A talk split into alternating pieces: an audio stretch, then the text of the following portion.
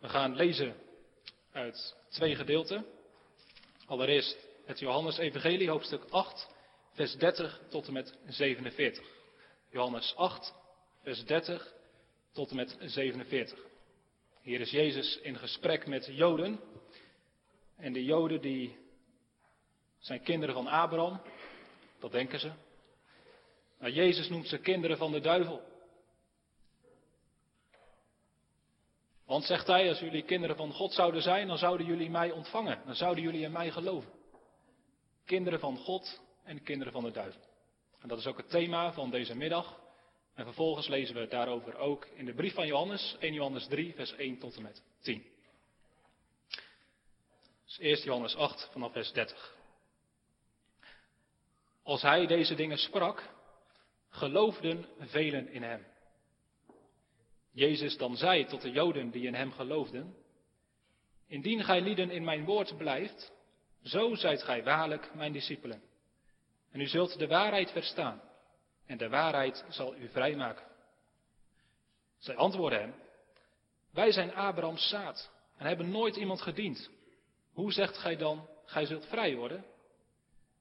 Jezus antwoordde hun, voorwaar, voorwaar zeg ik u, een iegelijk die de zonde doet, is een dienstknecht, een slaaf van de zonde. En de dienstknecht blijft niet eeuwig in het huis, de zoon blijft er eeuwig. Indien dan de zoon u zal vrijgemaakt hebben, zo zult gij waarlijk vrij zijn. Ik weet dat gij Abrahams zaad zijt, maar gij zoekt mij te doden, want mijn woord heeft in u geen plaats. Ik spreek wat ik bij mijn vader gezien heb. Gij doet dan ook wat gij bij uw vader gezien hebt. Zij antwoordden en zeiden tot hem, Abraham is onze vader. Jezus zei tot hen, indien gij Abrahams kinderen waart, zo zoudt gij de werken van Abraham doen. Maar nu zoekt gij mij te doden, een mens die u de waarheid gesproken heeft, welke ik van God gehoord heb. Dat deed Abraham niet. Gij doet de werken van uw vader. Zij zeiden dan tot hem, wij zijn niet geboren uit hoererij, wij hebben één vader, namelijk God. Jezus dan zei tot hen, indien God uw vader ware, zo zoudt gij mij liefhebben. Want ik ben van God uitgegaan en kom van hem.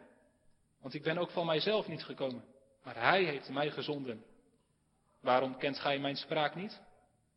Het is omdat gij mijn woord niet kunt horen. Gij zijt uit den vader de duivel.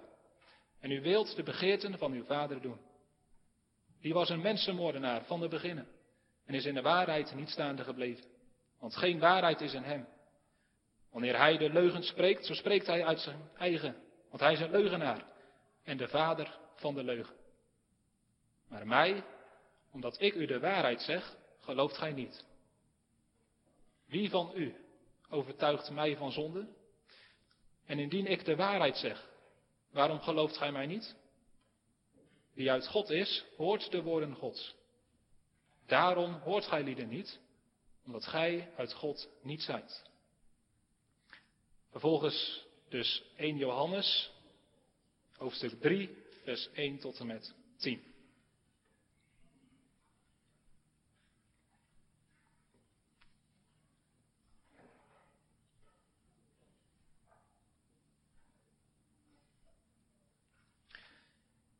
Ziet hoe grote liefde ons de Vader gegeven heeft. Namelijk dat wij kinderen van God genaamd zouden worden. Daarom kent ons de wereld niet, omdat zij Hem niet kent. Geliefden, nu zijn wij kinderen Gods.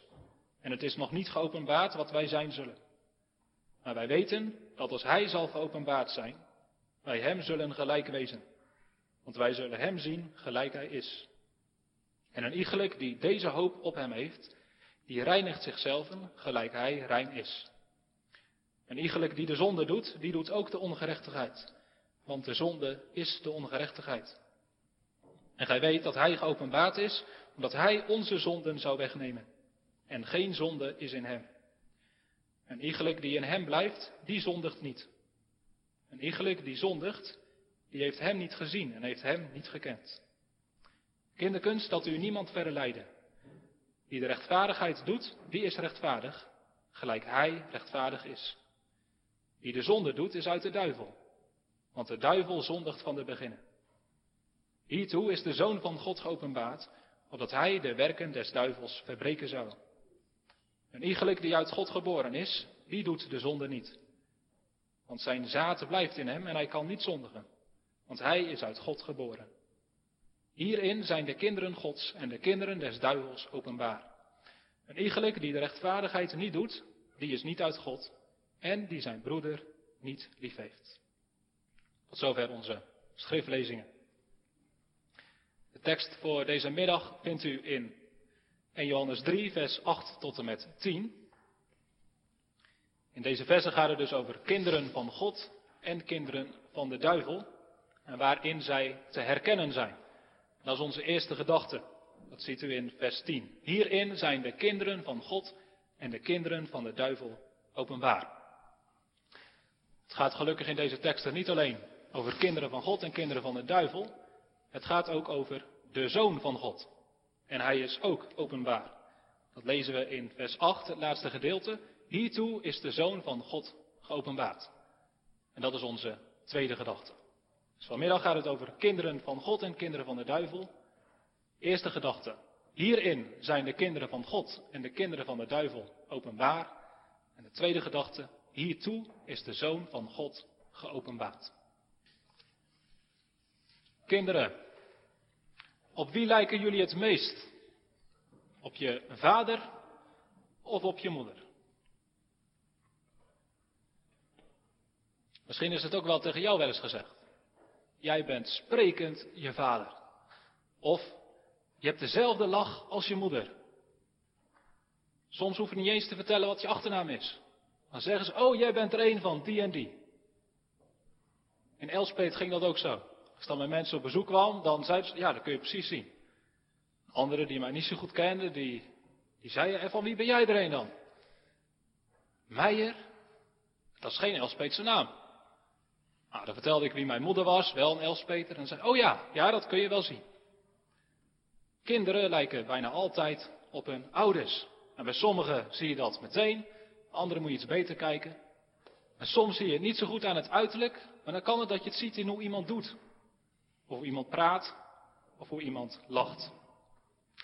Dit beeld gebruikt apostel Johannes vanmiddag om ons iets duidelijk te maken. Hij zegt dat er in de wereld twee families zijn.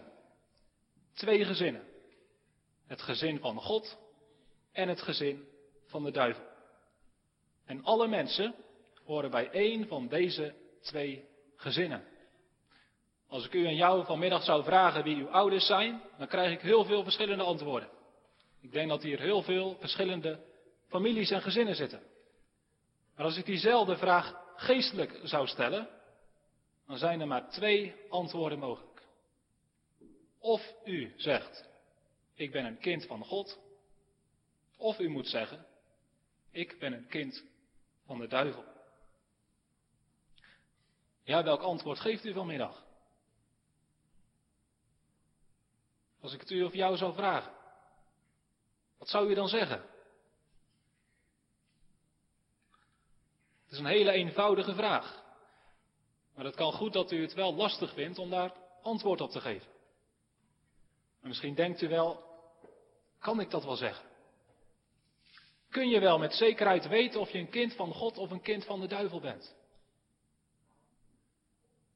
Volgens Johannes wel. We hebben het gelezen, Johannes 1 Johannes 3 vers 10.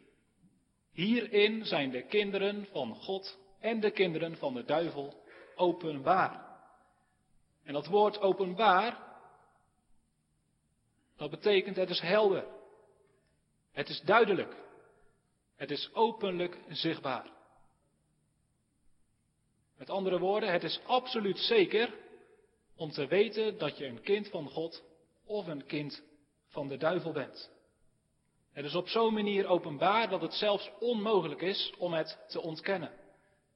Zoals de zon totaal verschillend is van een wolk, zoals een kat totaal verschillend is van een varken, zo is er een duidelijk verschil tussen kinderen van God en kinderen van de duivel. Maar dan moeten we natuurlijk wel weten waaraan we dan een kind van God of een kind van de duivel kunnen herkennen. En dat vraag ik aan u en jou. Wat zijn volgens u of jou de kenmerken van een kind van God? Of een kind van de duivel? Waaraan kun je dat herkennen? Waaraan kun je dat zien? Het is belangrijk dat we daar een goed antwoord op geven. Ik denk dat een van de redenen waarom veel christenen twijfelen of ze wel of niet een kind van God zijn, hiermee te maken heeft dat ze een verkeerd antwoord geven op die vraag. En dat ze een hoog, idealistisch, maar ook onrealistisch beeld hebben van wat het betekent een kind van God te zijn. En dat is de reden dat ze altijd twijfelen, zich altijd afvragen of zij daar wel bij horen. Er zijn in de loop van de geschiedenis heel veel gelovigen geweest die dicht bij God hebben geleefd en dingen hebben opgeschreven die ze hebben ervaren. Ze hebben beschreven wat je ervaart als je een kind van God bent. Wat kenmerken zijn van kinderen van God. En dat kan heel bemoedigend zijn als je dat leest. En je mag jezelf daarin herkennen. Dat je zegt, ja, ik heb diezelfde ervaringen. Ik herken dat. Maar we moeten nooit vergeten dat God met al zijn kinderen verschillende wegen gaat.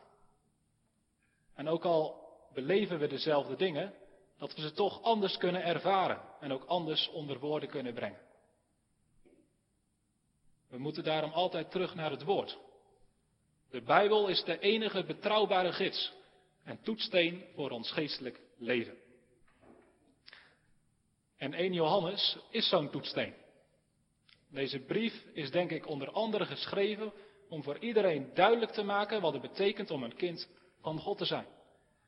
Alleen al in hoofdstuk 1 en 2 geeft Johannes zeven kenmerken van kinderen van God. Zeven keer zegt Johannes in deze hoofdstukken iets wat een kind van God wel is of juist niet is. En ik wil kort met u langs die zeven kenmerken lopen. Dus als u de Bijbel voor u heeft, dan gaan we beginnen in 1 Johannes 1. En dan kijken we naar die zeven kenmerken die Johannes in deze hoofdstukken noemt. We beginnen in vers 6. Daar schrijft Johannes, indien wij zeggen dat wij gemeenschap met Hem hebben, of dat we zeggen dat we kinderen van God zijn, en wij in de duisternis wandelen, zo liegen wij en doen de waarheid niet. Met andere woorden, kinderen van God die wandelen in het licht en niet in de duisternis. Dat is het eerste kenmerk. Dan vers 8, het tweede kenmerk. Indien wij zeggen dat wij geen zonde hebben, zo verleiden wij onszelf. En de waarheid is in ons niet. Hier zegt Johannes, kinderen van God die weten dat ze zondig zijn. En zij erkennen dat. En zij beleiden dat. Dan naar hoofdstuk 2, het derde kenmerk. In vers 3 schrijft Johannes, en hieraan kennen wij dat wij Hem, God, gekend hebben. Zo wij Zijn geboden bewaren. Met andere woorden, kinderen van God, die bewaren het woord, de geboden van God. Kinderen van God, die willen naar de wil van God leven. Ze willen leven zoals Jezus geleefd heeft. Het vierde kenmerk, in vers 7 tot en met 11. En ik lees dan vers 9 en 10. Die zegt dat hij in het licht is, een kind van God is, en zijn broeder haat, die is in de duisternis tot nog toe. Die zijn broeder lief heeft, blijft in het licht. En geen ergernis is in hem. Kinderen van God hebben andere kinderen van God lief. Als we kinderen van God zijn, dan hebben we liefde tot onze broeders en zusters, tot degene die ook in Jezus geloven. Het vijfde kenmerk, vers 15. Heb de wereld niet lief, nog hetgeen in de wereld is. Zo iemand de wereld lief heeft, de liefde van de Vader is niet in hem. Kinderen van God hebben de wereld niet lief. Zesde kenmerk in vers 23. Een iegelijk die de zoon logent, heeft ook de vader niet. Oftewel, kinderen van God die geloven dat Jezus de zoon van God is. En iedereen die dat niet gelooft, is geen kind van God. En dan het zevende, het laatste kenmerk in vers 29. Indien gij weet dat hij rechtvaardig is, zo weet gij dat een iegelijk die de rechtvaardigheid doet, uit hem geboren is. Kinderen van God leven rechtvaardig, omdat God rechtvaardig is. Nou, op diezelfde manier beschrijft Johannes in ons tekstgedeelte een van de kenmerken van kinderen van God. Een van de dingen waaraan je ze kunt herkennen. 1 Johannes 3, vers 9. Een iegelijk die uit God geboren is, die doet de zonde niet. Daartegenover staat vers 8. De kinderen van de duivel. Daar schrijft Johannes, die de zonde doet, is uit de duivel, want de duivel zondigt van te beginnen. Wat Johannes hier zegt is heel simpel.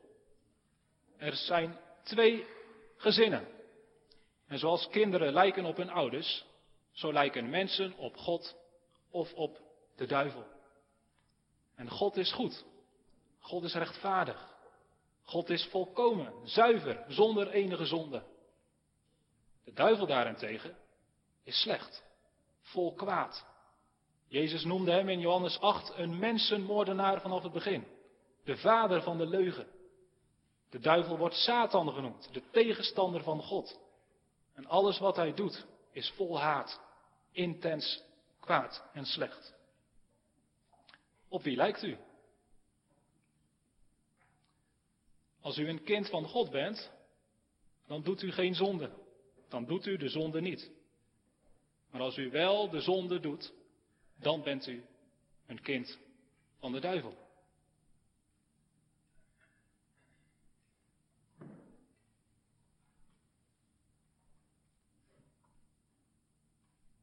Twijfelt u al of dit klopt?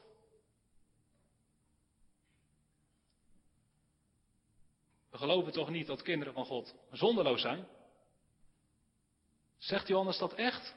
Dat kinderen van God niet zondigen? Ik geloof niet dat dat vanaf deze preekstoel verkondigd wordt. Toch?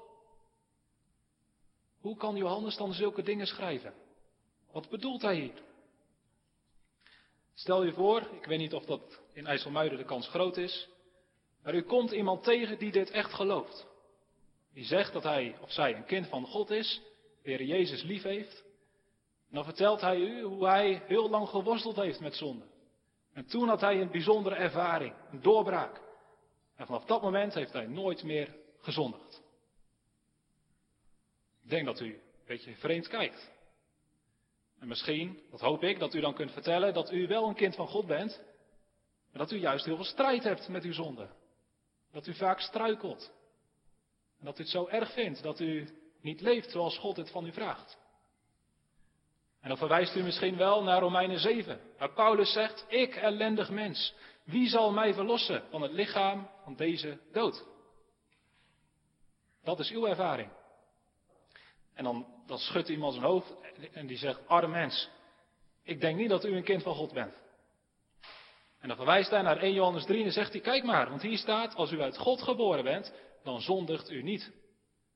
En dan zou hij nog verwijzen naar andere teksten, misschien naar 1 Johannes 5, vers 18. Wij weten dat een iegelijk die uit God geboren is, niet zondigt. Maar wie uit God geboren is, bewaart zichzelf. En de boze vat hem niet. Nou, u begrijpt wel dat er over deze teksten heel veel discussies zijn gevoerd. Wat bedoelt Johannes hier? Zegt Johannes hier nou iets wat in tegenspraak is met wat Paulus zegt? Wil Johannes ons hier leren dat kinderen van God geen zonde doen? Wat als Johannes dat echt zou bedoelen? Als Johannes het echt zou bedoelen dat kinderen van God absoluut geen zonde meer doen. Ik denk dat de volgende avondmaalsbediening, als dat weer in normale omstandigheden zou kunnen, niet zo lang duurt. Of wel? Zou u nog aan durven gaan? Wat bedoelt Johannes? Johannes bedoelt in onze teksten niet dat kinderen van God geen zonde meer doen. En dat wist u al, want ik heb net het tweede kenmerk genoemd. Hij schrijft in 1 Johannes 1, vers 8 dat kinderen van God juist wel erkennen en beleiden dat ze zondig zijn. Johannes zegt daar, je moet niet denken dat als je opnieuw geboren wordt, als je gered wordt, dat je dan zondeloos wordt. Integendeel, juist als je een kind van God wordt en God leert kennen, dan ontdek je wat het betekent om zonderloos te zijn. Dan zie je God in zijn heiligheid en zuiverheid. En hoe meer je in dat licht komt, Hoe meer je je eigen zondigheid en gebreken ziet. Misschien denkt u hierbij ook wel aan de woorden van het avondmaalsformulier. Want als wij tot het avondmaal komen, dan komen wij niet om daarmee te betuigen dat wij in onszelf volkomen en rechtvaardig zijn. Maar in tegendeel. Aangezien wij ons leven buiten onszelf in Jezus Christus zoeken, zo bekennen wij daarmee dat wij midden in de dood liggen. En daarin ligt een geweldige troost voor gelovigen.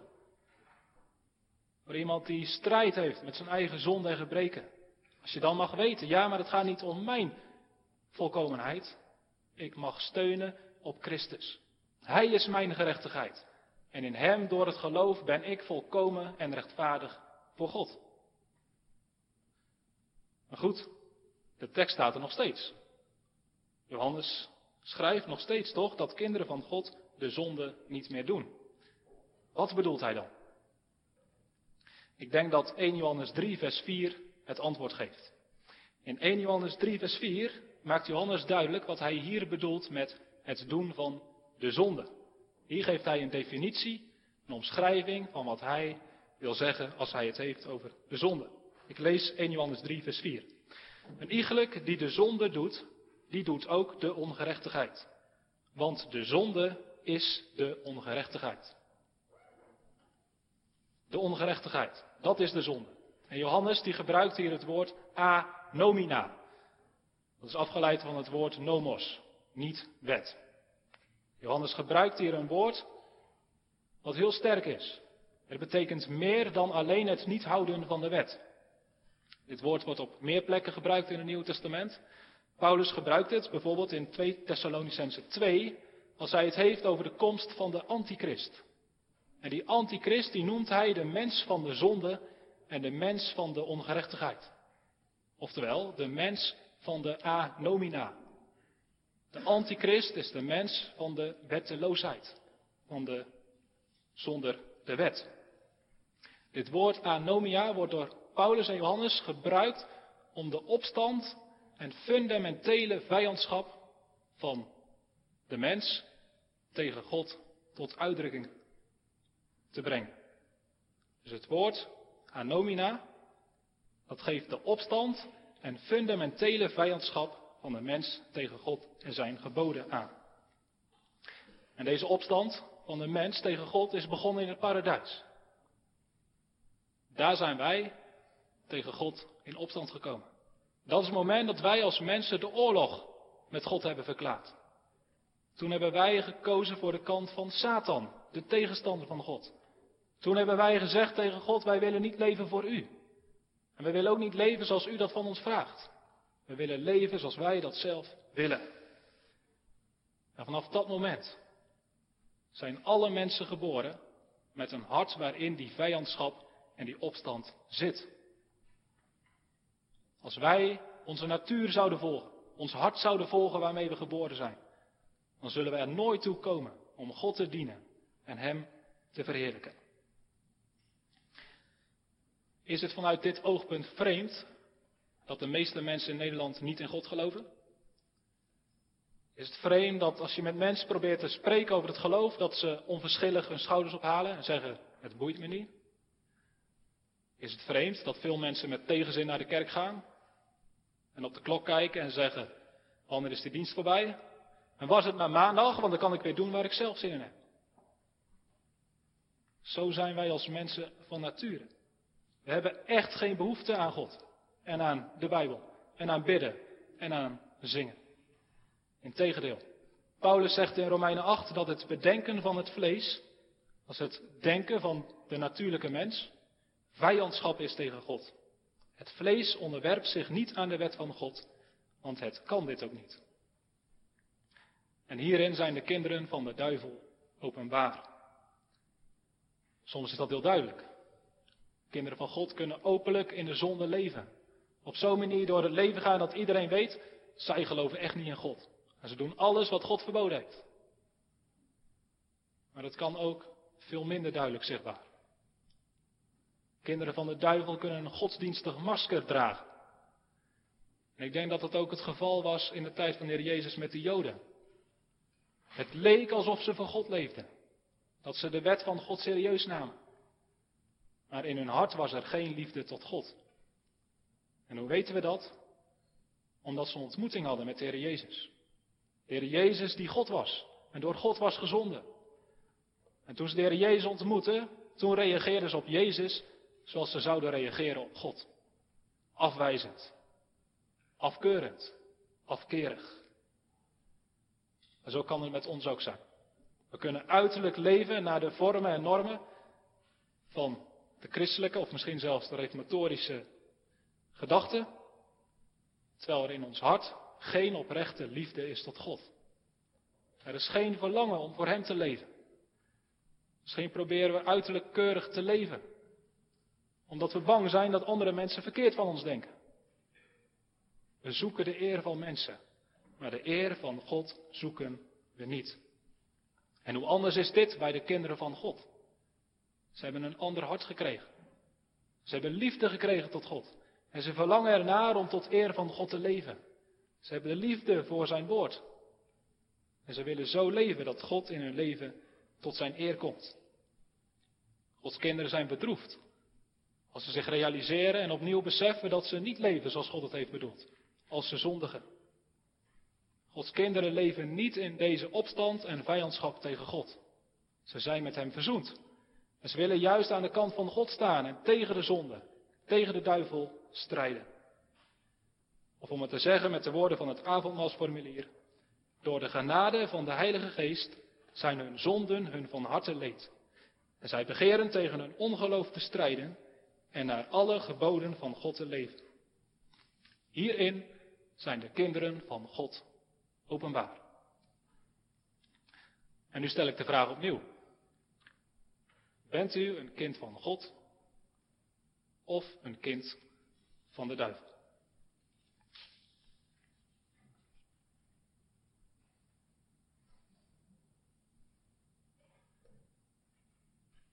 In onze teksten gaat het over kinderen van God en over kinderen van de duivel. Johannes geeft duidelijke kenmerken, zodat iedereen kan weten, ik ben een kind van God of ik ben een kind van de duivel. En er zullen nu mensen in de kerk of thuis zitten die bemoedigd zijn. Die mogen zeggen, ja, ik mag weten dat God dat werk in mijn hart heeft gedaan. Ik mag een kind van God zijn. Maar misschien zitten er ook mensen in de kerk die moeten zeggen, ik ben geen kind van God.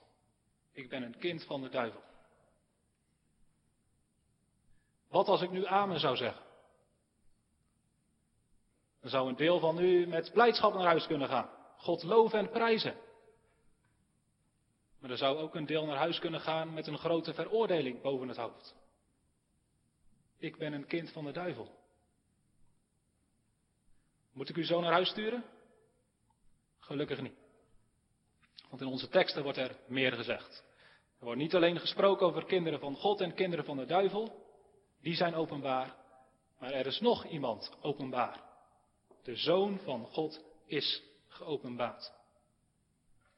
En daarom kijken we in onze tweede gedachte hiernaar. Hiertoe is de Zoon van God geopenbaard. De Zoon van God is geopenbaard. Dat betekent dat Jezus. Ik moet het anders zeggen. Dit betekent dat de Zoon van God door zijn Vader naar de aarde is gestuurd. Jezus heeft hier als mens geleefd. En hij heeft door zijn woorden en door zijn daden geopenbaard laten zien, ik ben de zoon van God. En dat is even schrikken. Toch? Waarom zou de zoon van God naar de aarde komen? Waarom zou God de Vader zijn zoon naar deze wereld sturen? Een wereld die leeft in opstand en rebellie tegen hem. Dat kan toch niet veel goeds betekenen? Toch? Als we heel bewust de verkeersregels overtreden, tegen de wetten van de overheid ingaan, dan hebben we alle reden om bang te zijn voor de overheid. Stel je voor, kinderen, dat ik echt geen zin heb om naar de verkeersregels te luisteren. Overal waar je eigenlijk 80 mag, dan rij ik lekker 100. En als er een stoplicht op rood staat, dan ga ik gewoon door. Ik wil niet luisteren naar de overheid. Ik wil lekker doen waar ik zelf zin in heb. En ik ben zo aan het rijden, veel te hard. En op een gegeven moment dan merk ik dat er een auto achter mij aankomt. En die auto haalt mij in. En opeens staat er een bordje, stop, politie. Die auto openbaart zich als een politieauto. Ik moet stoppen. En wat denk je dat er gebeurt?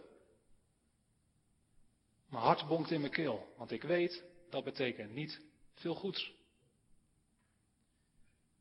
Waarom zou de Zoon van God naar deze wereld zijn gekomen?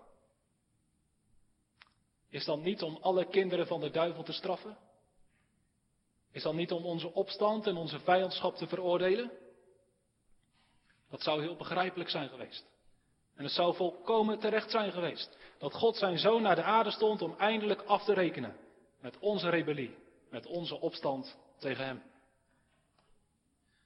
Maar luister wat de Heer Jezus zegt. Ik ben niet gekomen opdat ik de wereld oordelen, maar opdat ik de wereld zalig maken. Want God heeft zijn zoon niet in de wereld gezonden, opdat hij de wereld veroordelen zou, maar opdat de wereld door hem behouden zou worden. Zegt Jezus dit echt? Is God dan niet vertoornd over onze zonde? Wil God dan de kinderen van de duivel niet straffen? Dit zegt God in zijn woord. Ik heb geen lust in de dood van de goddeloze, maar daarin dat hij zich bekeert en leeft. Ik wil niet dat enige verloren gaan, maar dat allen tot bekering en erkenning van de waarheid komen. God wil dat vijanden zich met hem laten verzoenen. God wil dat kinderen van de duivel kinderen van hem worden. En daarom heeft God de Vader tegen God de Zoon gezegd: Ga naar deze wereld. Ga naar deze opstandige, rebelse mensenkinderen. Ze hebben zich vrijwillig onderworpen aan de duivel en aan de zonde. Ze zullen uit zichzelf zich nooit meer tot mij bekeren. Ze zullen mij nooit meer als God erkennen en mij verheerlijken. Ook al zouden ze het willen, dan zouden ze het niet kunnen. Ze zijn geboeid. Ze zijn gebonden. Ze zijn slaven van de zonde. Ze zijn onder de macht van de duivel. Niemand kan hen verlossen. Alleen als u, zoon van God, naar de wereld gaat. U kunt ze wel redden. Ga naar deze wereld. Want anders moet ik ze voor eeuwig straffen. Anders moet ik hun vijandschap vergelden. Zolang hun zondig zijn, blijft er een noodzakelijke scheiding tussen mij en hen. En toen heeft de zoon van God geantwoord. Ik heb lust, o mijn God, om uw welbehagen te doen. Ik zal naar de aarde gaan om deze mensen te redden. Ik ben bereid om de strijd aan te gaan met de duivel. Ik zal de duivel verslaan en ik zal deze mensen uit zijn macht verlossen. En ik weet, vader, dat u rechtvaardig bent. Ik weet dat u de zonde niet ongestraft kunt laten. Maar ik ben bereid om het oordeel van u te dragen. Ik ben bereid om door de mensen verworpen te worden, zoals ze u hebben verworpen. Ik ben bereid om gehaat te worden, zoals die mensen u haten. Ik ben bereid om te sterven. Om zo de zonde voor hen te dragen. Ik zal borg voor hen zijn. Ik zal hun plaats innemen. Zodat u hun zonde kunt vergeven. Dat u zich met hun kunt verzoenen. Zodat u ze kunt aannemen tot uw eigen kinderen. En dan zal ik ze een nieuwe natuur geven. Zodat ze het verlangen krijgen weer voor u te leven. Zo is de Zoon van God geopenbaard. Hij is een lam van God geworden dat de zonde van de wereld wegdraagt. En hij heeft op deze aarde geleefd als een volmaakt kind van God. Hij heeft nooit één zonde gedaan. Hij heeft altijd precies gedaan wat de Vader van hem verlangde. Zo heeft hij geleefd. Maar zo is hij niet gestorven. Jezus is gestorven aan het kruis alsof hij een kind van de duivel was. Alsof hij het kwaad zelf was. Jezus heeft daar het oordeel gedragen. Wat alle kinderen van de duivel zouden moeten krijgen. Hij is een verzoening voor onze zonde. Dat is het evangelie. Goed nieuws. En nu is het dankzij deze zoon van God, dankzij het werk wat hij hier op aarde heeft gedaan, dat ik u vanmiddag mag verkondigen, dat als u nu een kind van de duivel bent, u aangenomen kunt worden tot een kind van God. De meeste kinderen zullen hier altijd dezelfde ouders hebben gehad. En dat je geboren bent, dat je groot bent geworden, ben je opgevoed door dezelfde ouders. Dat is iets om dankbaar voor te zijn. Dat je ouders hebt die je lief hebben, die voor je zorgen, die om je geven. Maar het kan ook anders. Het kan dat ouders niet voor hun eigen kinderen kunnen zorgen. Om welke reden dan ook. En dat kinderen uit het huis moeten worden gehaald. En in een ander gezin worden geplaatst. Dat noemen we adoptie. Als er ouders zijn die zeggen: Ik wil andere kinderen aannemen tot mijn eigen kinderen. Ik wil ze lief hebben en voor ze zorgen alsof het mijn eigen kinderen zijn. En die kinderen mogen hun papa en mama noemen. En ze mogen van hen alles verwachten wat andere kinderen van hun eigen ouders verwachten. Sommige kinderen zijn op deze manier van gezin veranderd. En op een vergelijkbare manier is het mogelijk om van het gezin van God, vanuit het gezin van de duivel, over te gaan in het gezin van God. Hoe gaat dat? Wat is de manier om uit het gezin van de duivel over te gaan in het gezin van God? Dat heeft Johannes ons verteld in zijn evangelie. Het is de tekst waarmee ik deze dienst begon, Johannes 1, vers 12. Hier staat, maar zoveel in hem, dat is Jezus, aangenomen hebben, dien heeft hij macht gegeven kinderen van God te worden. Namelijk die in zijn naam geloven. Deze tekst maakt duidelijk hoe we kinderen van God kunnen worden. En dat is maar op één manier. Dat is door Jezus Christus aan te nemen. Door Hem aan te nemen als redder. Hem aan te nemen als koning. Door in de Heer Jezus te geloven. Op Hem te vertrouwen. En ik wil u vanmiddag daarom naar Hem sturen. Op Hem wijzen. Ziet u de liefde van de Heer Jezus? Hoort u zijn hart kloppen vol liefde? Om van u een kind van God te maken. Het hart van Jezus is zoveel liefde. Dat hij bereid was om daarvoor te sterven. Hij was bereid om tot het uiterste te gaan. Om u aan te nemen tot een kind van God. Wilt u, wil jij zich door hem laten redden? Omhels hem dan door het geloof. En zeg, Heer Jezus, ontferm u over mij. Wees mij zondaar genadig. Maak mij een kind van God.